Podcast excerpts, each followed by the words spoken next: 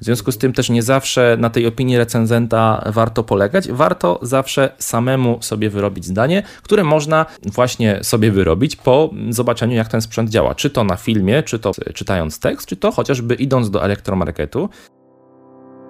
Jak odnaleźć się w finansach? Jak sprawić, by pieniądze służyły realizacji naszych celów życiowych? Na te oraz inne pytania odpowiadają goście podcastu Po ludzku o pieniądzach, którego partnerem jest General Investments TFISA i który mam zaszczyt prowadzić.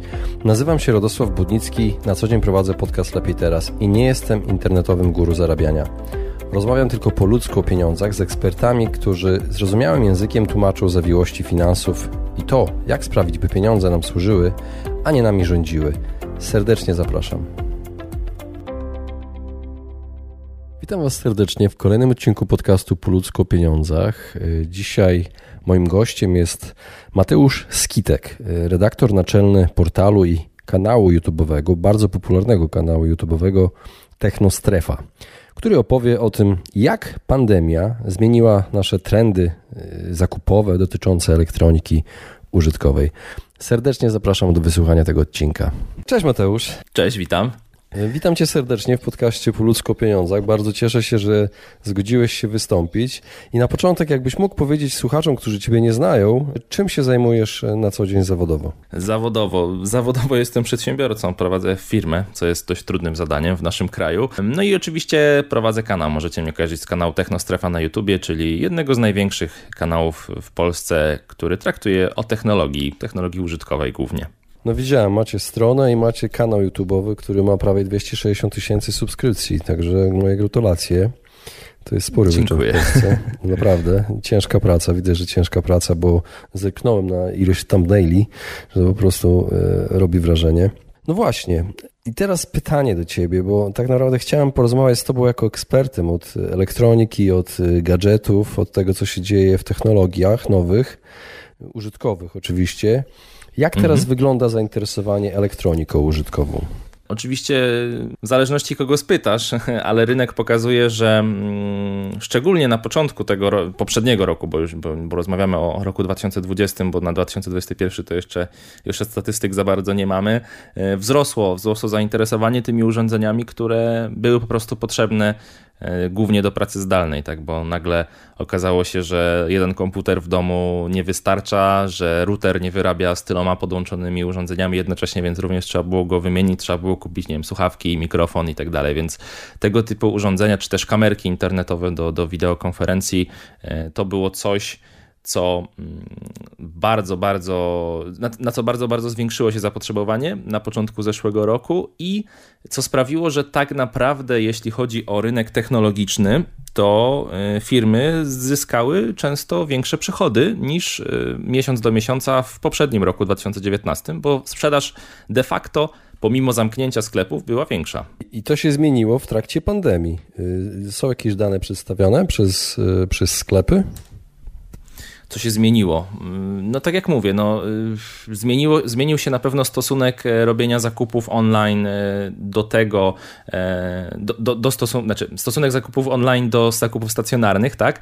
On oczywiście procentowo, procentowo wzrósł, ten odsetek zakupów online, natomiast y, w zależności oczywiście od, od y, sklepu, są takie sklepy, które głównie opierały się na sprzedaży internetowej, jak chociażby Morele.net czy, czy XCOM, które tutaj ta część, która jest ze sprzedaży stacjonarnej, to jest tam mały odsetek, to jest powiedzmy zaledwie kilkanaście pewnie procent, czy kilkadziesiąt dokładnych danych y, akurat na, na, na, na, temat tych sklepów nie znam.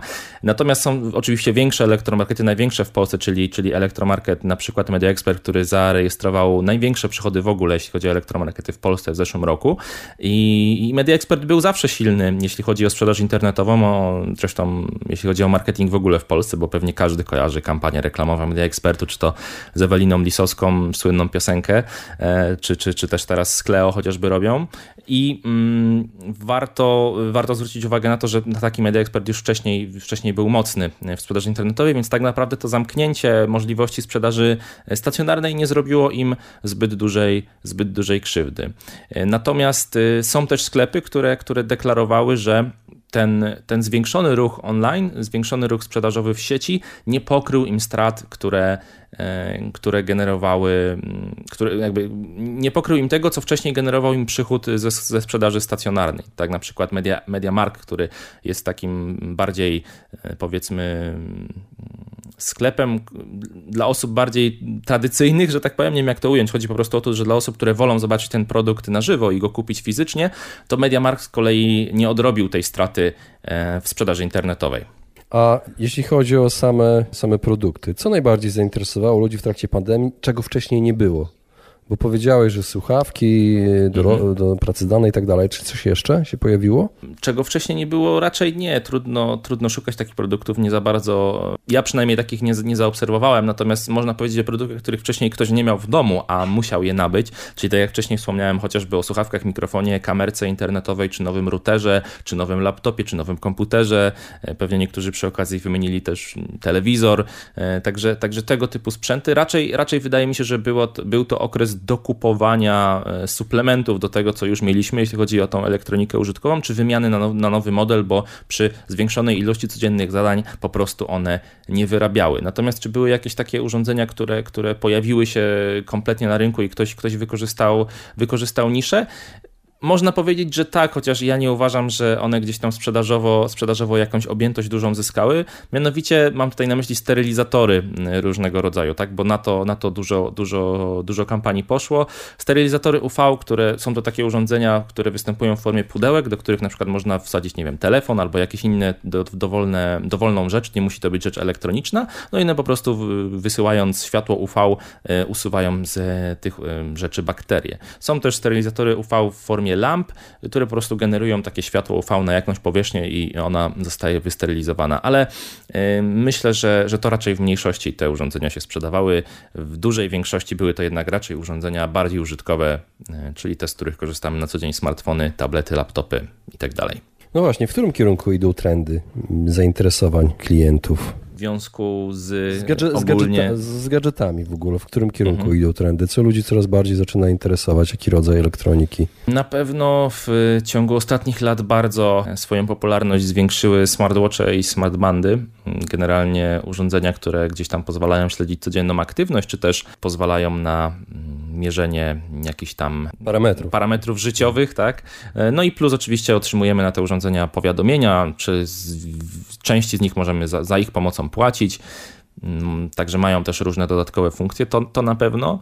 E, co jeszcze, mm, co jeszcze zwiększyło taką swoją popularność? Zwiększa swoją popularność tak naprawdę rynek już nie jest taki dynamiczny, jeżeli chodzi o urządzenia mobilne. Tak? One, one się zaczęły rozwijać 10-11 lat temu, czyli, czyli gdzieś tam na przełomie 2009 i 2010 roku. Ten rynek zaczął się rozwijać, on dość dynamicznie, dynamicznie wzrastał.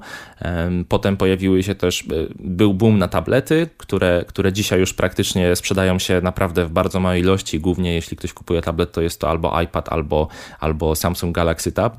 E, także tutaj też już tak naprawdę mm, stawka producentów się, się zmniejszyła. No i tak, i tak jak mówię, w ostatnich latach został, cały czas napędza się ten boom z kolei na, na smartwatche, tak?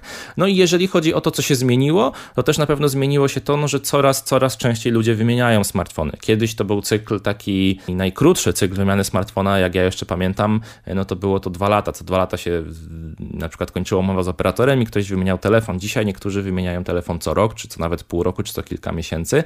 E, wiąże się to, wiąże się to poniekąd z takim nadmiernym konsumpcjonizmem, który obserwujemy w ogóle, nie tylko w branży elektroniki konsumenckiej, użytkowej, ale no w ogóle na świecie, tak? Konsumpcjonizm panuje niestety. Niestety, niestety, wiadomo, każdy, ktoś na tym korzysta, y, niektórzy na tym tracą. Także te smartfony wymieniamy coraz częściej i wiąże się to z konsumpcjonizmem, ale wiąże się to także z tym, że po prostu telefony celowo są też tak, y, czyli są takie teorie, że celowo są też w taki sposób tworzone, żeby y, ten cykl skracać jak najbardziej, no bo wiadomo, co roku producent wypuszcza nowe telefony i chce tam gdzieś generować tę sprzedaż. No tak, no chociażby robi się upgrade systemu, który stare modele i stare procesory już nie pociągną, albo będą po prostu bardzo spowolniały działanie takiego, takiego urządzenia. To przykładem najlepszym jest działanie firmy Apple. A Właśnie, wyprzedziłeś moje pytania w ogóle, niesamowite, bo miałem Cię zapytać, y, czy warto inwestować w nowe gadżety elektroniczne, Bo ja znam ten, znam ten mechanizm u siebie samego, widzę. Ja właśnie żyję w takich cyklach dwuletnich, jeśli chodzi o telefon. Chciałem zadać Ci pytanie, jak Ty często zmieniasz model telefonu? Co Cię musi w ogóle przekonać, by zmienić telefon na nowy model? Mhm. To ja może zacznę od tego pierwszego pytania, czy warto inwestować? No, y, zależy, zależy do czego się to, to wykorzystuje, tak? Bo, bo inwestowanie kojarzy się z czymś takim, że lokuje się gdzieś fundusze i, e, i coś się z tego ma, e, w sensie można na tym zarobić. No wiadomo, że na gadżetach elektronicznych raczej się, raczej się nie zarobi, bo one szybko tracą na wartości. E, Ale Natomiast pomagają w pracy, wyko... mogą pomagać Tak, tak, dlatego mówię, że, że, że chcę, chciałem do tego dążyć, że, że jeżeli ktoś je wykorzystuje do pracy, to, to jakby jest to ten koszt, który, który musimy ponieść i wykorzystujemy to urządzenie, przez co nam się potem coś zwraca w formie na przykład przychodu. Więc wtedy tak, ale jeżeli ktoś nie korzysta do pracy z tych urządzeń, a, a wymienia je co na przykład 3 miesiące czy pół roku, no to wiadomo, że to już tylko i wyłącznie na tym traci wtedy. No chyba, że po prostu zyskuje ten nowy experience korzystania z tych urządzeń. A jeżeli chodzi o mnie, no to wiadomo, że my, ja i, i cały mój zespół testujemy te różne urządzenia nowe, które wychodzą na, na rynek, czy to smartfony, czy to, czy to inne, inne, inne urządzenia. No i w związku z tym jakby też cały czas mamy e, dosyć tego, e, do, dostatek tego wszystkiego i cały czas korzystamy z tych, z, tych, z tych nowych, świeżych rzeczy, więc też jakby też nie mamy takiej motywacji do tego, żeby wymieniać. Ja jakiś czas temu przesiadłem się z Androida na, na, system, e, na system iOS, czyli na iPhone'a, ale głównie ze względu na to, że, że korzystam z ekosystemu Apple, to znaczy korzystam z MacBooka do pracy i z MacBooka w zasadzie korzystam nie dlatego, że jest to sprzęt Apple i super fajnie, tylko dlatego, że akurat na MacBooka jest moje ulubione oprogramowanie do montażu filmów, czyli Final Cut Pro bo produkuje ten program Apple. E, I w związku z tym, jako że, jako że fajnie działa, fajnie współ, współgra cały ekosystem Apple'a, czyli posiadanie zarówno laptopa, jak i telefonu, jak i zegarka, także nie wiem, chociażby głośników, HomePod, bo też korzystam osobiście ze smart home'owego rozwiązania Apple'a, czyli HomeKita. E, także jakby ja korzystam z Apple'a tylko i wyłącznie właśnie ze względu na tą całą integrację całego systemu.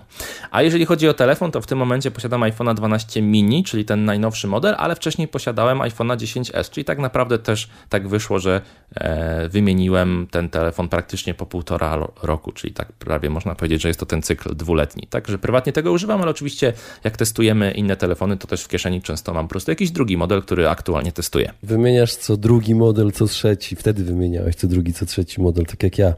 E, ja akurat, tak. jestem, e, akurat jestem Samsungowcem od Huawei teraz praktycznie, więc używam Androidów. I zawsze zastanawiałem się, kiedy, kiedy, warto. Kiedyś rzeczywiście potwierdza się to, co powiedziałeś, że ta technologia się rozwijała telefonów komórkowych i, i można rzeczywiście można było odczuć tą zmianę technologiczną po zakupie i po wydaniu pieniędzy na nowy sprzęt.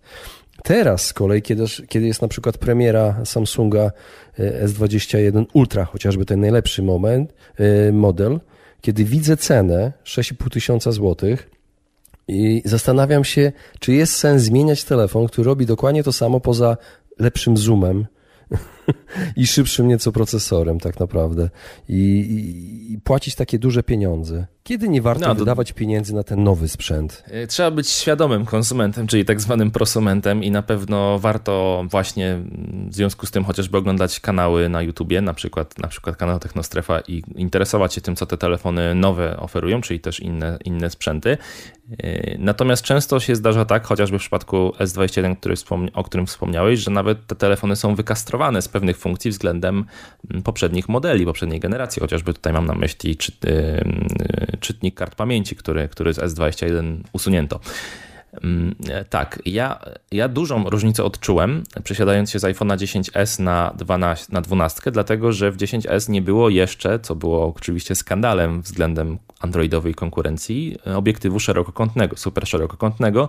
W iPhone 12 taki obiektyw mam i on mi się bardzo przydaje, bo, bo pozwala na znaczy oferuje dużo bardziej uniwersalny zestaw obiektywów, który spisuje się w wielu różnych sytuacjach, czy to w fotografowaniu, czy w filmowaniu. Więc ja dużą różnicę, różnicę odczułem, ale w przypadku androidowych flagowców tutaj sprawa już jest y, trochę, trochę inna, bo, bo, te, bo te androidowe flagowce miały dużo różnych funkcji, których iPhone nie miał dużo wcześniej i tak naprawdę z roku na rok one się za bardzo nie zmieniały.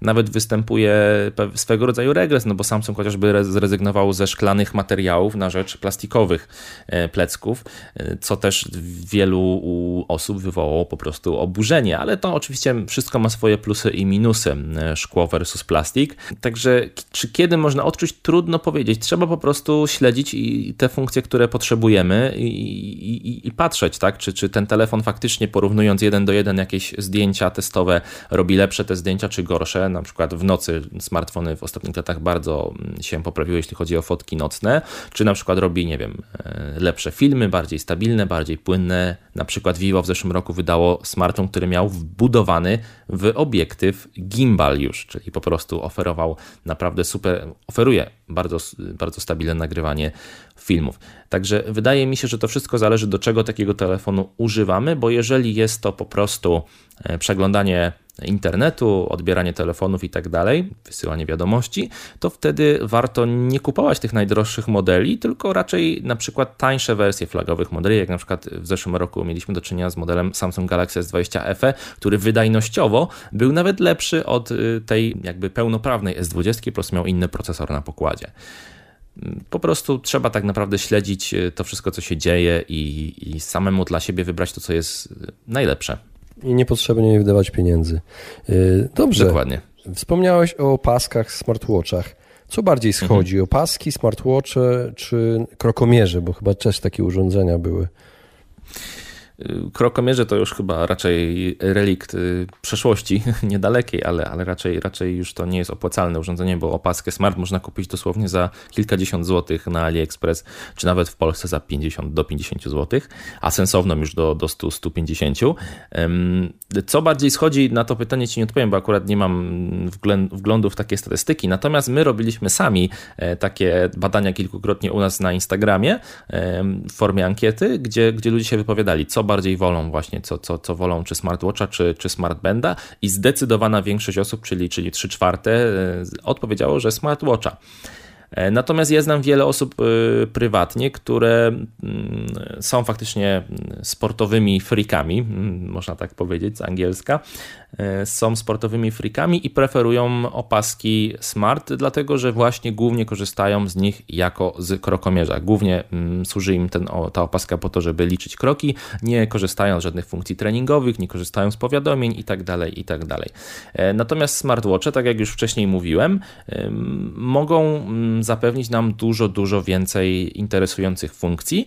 Mhm, które wiążą się też z pewnymi minusami, na przykład z takim minusem, że opaska smart wytrzymuje często powyżej miesiąca na jednym ładowaniu, natomiast niektóre smartwatche, tak jak na przykład Apple Watch czy Oppo Watch e, e, tutaj wytrzymują na baterii jeden dzień po prostu, czy do dwóch w porywach. Są oczywiście zegarki jak na przykład Huawei, które potrafią wytrzymać 7-14 dni na jednym ładowaniu. Natomiast co one oferują, tak jak wcześniej mówiłem, możemy oczywiście odczytywać powiadomienia, możemy nawet wysyłać wiadomości z tych zegarków, możemy możemy korzystać z asystenta głosowego, możemy za pomocą tych zegarków płacić, e, możemy oczywiście korzystać z bardzo rozbudowanych funkcji mierzenia naszych aktywności, e, z włączania i śledzenia naszych treningów w różnych dyscyplinach sportowych, w setkach dyscyplin sportowych, tak naprawdę w niektórych modelach, e, czy też chociażby, ale to też w niektórych opaskach Smart jest możliwe, dzielenia się tą aktywnością z naszymi znajomymi, czyli na przykład rywalizowania wzajemnie tutaj o to, żeby być jak najbardziej aktywnym sportowo.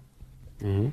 A te, te, z tego co wiem, te opaski niektóre już dorównują smartwatchom. Mi Band 5 chyba to już w ogóle ma być tam mierzenie poziomu tlenu we krwi, słyszałem, a najbardziej chyba zużywa baterię z mojego doświadczenia włączony GPS, bo ja używam Samsunga akurat Watcha, e, Galaxy Watcha i, i wiem, że kiedy jest włączony, to po prostu ta bateria krócej działa. Najbardziej zużywają baterie w smartwatchach ekrany. Tutaj, tutaj bez dwóch zdań, natomiast GPS faktycznie jest na drugim zaraz miejscu, zaraz za nimi. Jeśli chodzi o to, czy, czy smartbandy dorównują, tak, wielu smartwatchom dorównują e, i te funkcjonalności są praktycznie takie same. W przypadku tych, tych powiedzmy smartwatchy w budżecie do 500 zł, powiedzmy, także smart, smartband za, za 200 zł może im dorównać. Natomiast dochodzi kwestia estetyczna, designerska, tak? Nie każdemu podoba się opaska, nie każdy chce ją nosić. Zegarek jest jednak bardziej e, elegancki, bardziej biznesowy. Mm, smart opaska kojarzy się bardziej z chodzeniem na siłowni siłownię, natomiast jeżeli ktoś chce jednocześnie być aktywnym, a mm, dodatkowo e, mieć na co dzień po prostu zegarek i nie zmieniać cały czas tego, nie zakładać swojego w cudzysłowie Rolexa na co dzień, a, a na siłownię zakładać e, opaski, no to, mm, no to po prostu wtedy dobrym rozwiązaniem jest smartwatch, czyli zegarek i elegancki, i funkcjonalny, czyli urządzenie i eleganckie, i funkcjonalne. W zależności jest, oczywiście od gustu. Jest też czynnik praktyczny, ponieważ ja e, popsuł mi się wzrok, zacząłem czytać w okularach do czytania i nie mogę odczytać tego, co jest na smartbandzie, a na smartwatchu mogę, więc praktycznie też czynnik e, praktyczny taki jest. E, Ten ekran jest po prostu większy. Dokładnie. No dobrze, to przejdźmy do recenzji. Jak ważne jest czytanie recenzji przed zakupem? Powiem tak, y, jeśli chodzi o recenzje, to też one są mm, trochę takim formatem, który już coraz mniej się pojawia, e, ponieważ y, recenzje mm, odeszły przez to, że jakby firmy dużo działań marketingowych zaczęły po prostu przenosić e, do mediów online, czy do influencerów i tak dalej, to te, te, te recenzje przestały być, przestały być e, wiarygodne w wielu przypadkach. Niestety, niestety tak jest.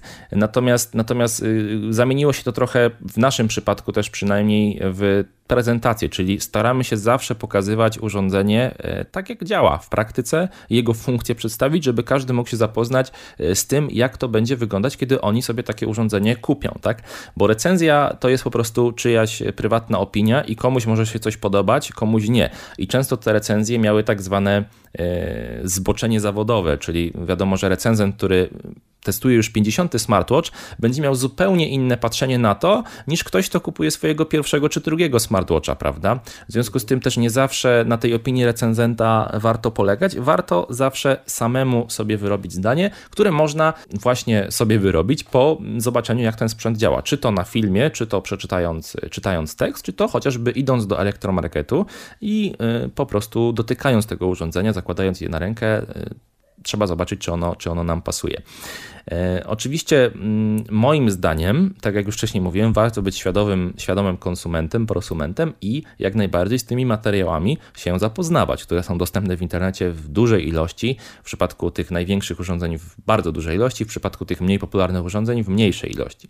Warto się zapoznać z wieloma urządzeniami, y, z wieloma publikacjami, przepraszam, warto się zapoznać i po prostu obejrzeć, posłuchać, przeczytać. To jest na pewno bardzo ważne żeby wybrać sprzęt dla siebie idealny, czy prawie idealny, bo wiadomo, sprzętów idealnych nie ma, taki, który spełni nasze oczekiwania i, takie, i taki, z którego będziemy po prostu zadowoleni. Y, Mateusz, zbliżamy się do końca. Jeszcze na koniec mam pytanie dotyczące porównywarek cen. Czy według mhm. Ciebie y, te porównywarki, nie będę wymieniał nazw, ale czy one są rzetelne i czy można dzięki nim rzeczywiście oszczędzić pieniądze? Powiem tak, y, to też jest kwestia sporna, to znaczy i tak i nie. Zależy jaka porównywarka i zależy w przypadku jakiego produktu. Y, no, jakby tutaj, jeżeli ktoś nie wie, to oczywiście informuję, że porównywarki również współpracują ze sklepami, zarówno ze sklepami, jak i z producentami i biorą od nich pieniądze. No niestety to jest wszystko biznes i tak to działa. W związku z tym często sklepy y, na pierwszym miejscu w danej porównywarce nie są dlatego, że mają najbardziej atrakcyjną ofertę, tylko dlatego, że najwięcej takiej porównywarce zapłaciły. Tak Także ja uważam, że ze wszystkich narzędzi można korzystać jak najbardziej, ale trzeba ze wszystkich narzędzi korzystać świadomie, czyli po prostu, tak jak mówię jeszcze raz, być świadomym konsumentem i nie e, dawać, nabrać się na różnego rodzaju haczyki, tylko sobie ze spokojem mm, takie oferty porównywać, nawet używając porównywarki cenowej, ale także samemu można to manualnie gdzieś tam sprawdzić, otworzyć kilka sklepów i zobaczyć, jak to wygląda. Natomiast y, mm, szczerze mówiąc, y, w praktyce wygląda to tak, że często te ceny w przypadku chociażby telefonów dużo się nie różnią. Niestety, czasami można natrafić na promocje, nawet w tych większych elektromarketach, o których wspominałem wcześniej, y, ale promocje często tych nowych urządzeń są rzędu 100-150 zł, a, a nie więcej. Natomiast y, co też warto zauważyć, że trendem jest to, że coraz więcej e, firm, dużych firm e, produkujących urządzenia mobilne czy też inne, mm, e, idzie w stronę nie obniżek cen, a dodawania gadżetów, e, gratisów do danego zamówienia, czyli stworzenia tak zwanych bundli, czyli na przykład kupujemy telefon, dostajemy za darmo dodatkowo słuchawki, znaczy za darmo, w tak, cenie tak, telefonu to widać, dostajemy widać dodatkowo na stronach słuchawki. E, niektórych producentów. Widziałem właśnie. Także, także ja, e, ja bym raczej też e, postarał się, jeżeli wychodzą jakieś nowe telefony, chcemy kupić nowy telefon, to wejść sobie na stronę producenta bezpośrednio i tam zawsze informacja o takich promocjach jest. Czyli na przykład e, kupujemy ten telefon u takiego, w takim i takim sklepie, dostajemy taki, taki, taki, taki gratis, albo na przykład możemy też zostawić swój stary telefon w rozliczeniu i dostajemy za to zwrot gotówki. Także tego typu promocje raczej polecam szukać, nawet niżeli korzystanie z porównywarek.